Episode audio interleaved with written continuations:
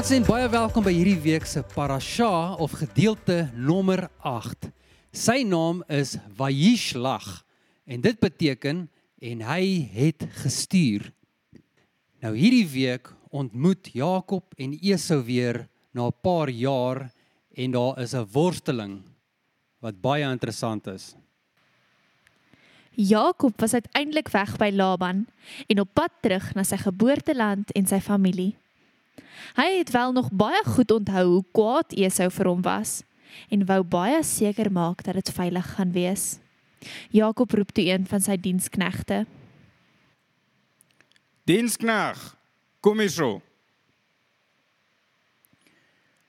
Luister hier so.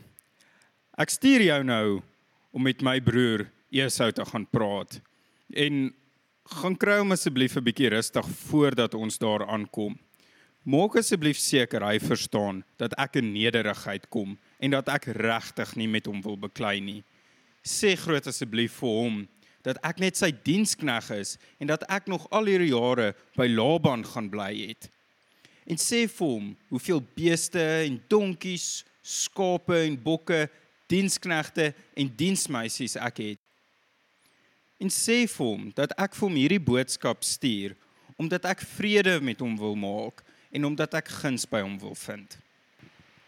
Die dienskneg is toe weg om te maak soos wat Jakob gesê het, maar hy het weer vinnig teruggejaag gekom. Esau was op pad met 'n weermag van 400 mans. Jakob het baie groot geskrik.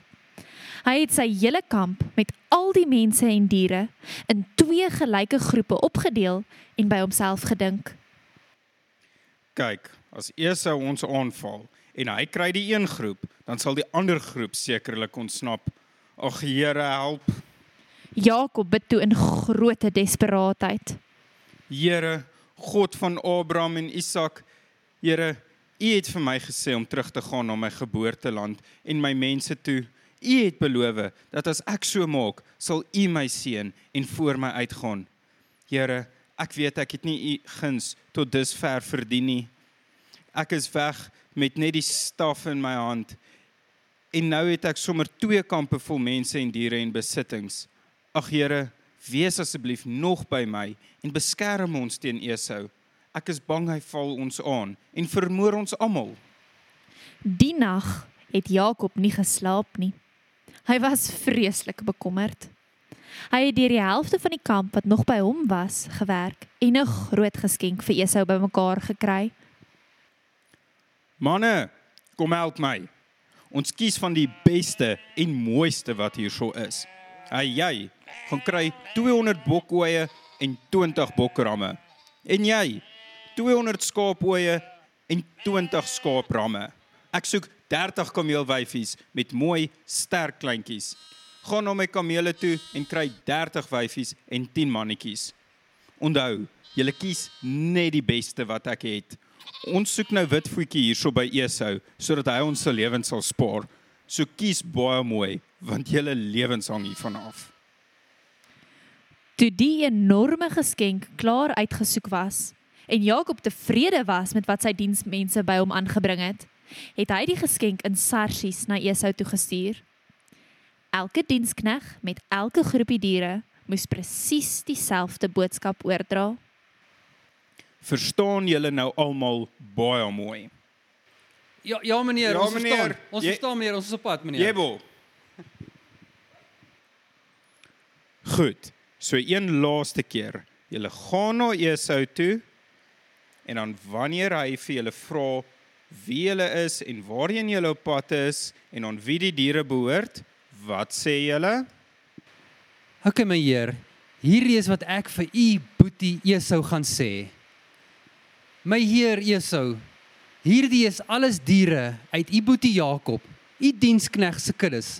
Hy stuur dit alles as 'n geskenk aan u en hy self kom agterna om u te groet. Nou toe. Goed. Gaan. en mag God ons spaar. Ja meneer, ja meneer. Ons is op pad meneer. Die diensknegte is toe weg met al die vee en Jakob het sy kamp verder op verdeel. Hy het alself sy vrouens en sy kinders vooruitgestuur en al sy besittings agterna, maar hy self het nog agtergebly.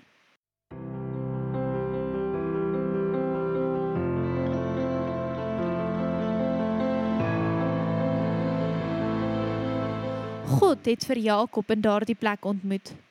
Ons weet nie hoe dit gebeur het nie, maar Jakob het daar met 'n man begin stoei. In hierdie gestoeiery het die man Jakob se heup uit potjie uitgeslaan en Jakob het vir die res van sy lewe mank geloop. Toe die son opkom, was hulle steeds besig om te stoei. Die man sê toe vir Jakob: Jakob, los my. Laat my nou gaan. Nee. Ek sal u nie laat gaan totdat u my seën nie. Ek sal nie. Ja, Eina, my jep. Jakob, jou naam beteken om te stoei. En ons het hier gestoei vir jou seëning.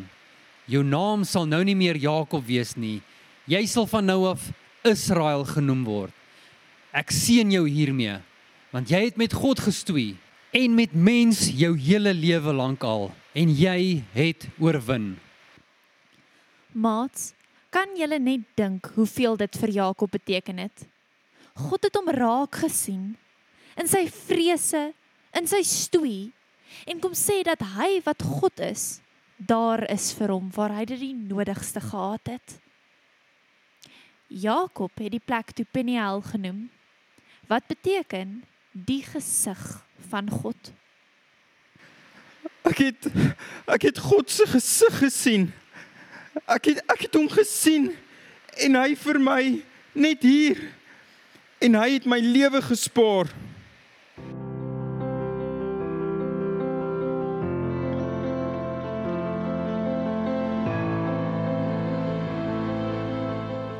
Jakob het toe stadig en mank agterna gekom. Toe hy vir Esau sien, het hy na hom toe gestap en soos wat hy stap, het Jakob 7 keer op die grond neergebuig. Maar Esau het na hom toe gehardloop en hom omhels. Hy het sy boetie vasgegryp en hom gesoen. Twee boeties het verskriklik gehuil. En nou Jakob, wie is al hierdie vrouens en kinders? En wat gemaak met al hierdie troppe wat jy vir my gestuur het? Dit is die kinders waarmee die Here my geseën het. En die diere, dit is geskenke net om u guns te vra. Nee man Jakob. Ek het reeds so baie. Hou dit vir jouself. Nee, nee, asseblief. Esau, as ek hoegenaamd jou guns het, aanvaar asseblief my geskenk. Esau om jou gesig te sien is vir my soos om God se gesig te sien. En hy het my tog so geseën en ek is so dankbaar vir alles wat hier gebeur het.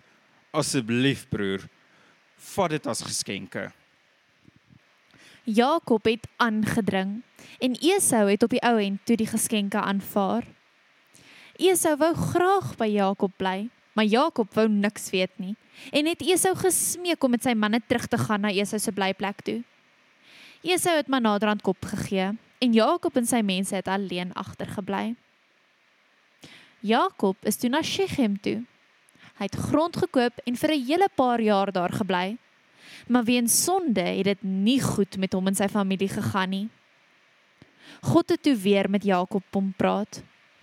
Maak jou reg en gaan na Bethel. Daar waar ek jou ontmoet het toe jy na Laban toe gevlug het en vir jou gesê het dat ek met jou sal wees. Jakob het toe sy familie en al sy mense bymekaar geroep en hul afgodsbeeldjies gevat en dit onder 'n boom begrawe.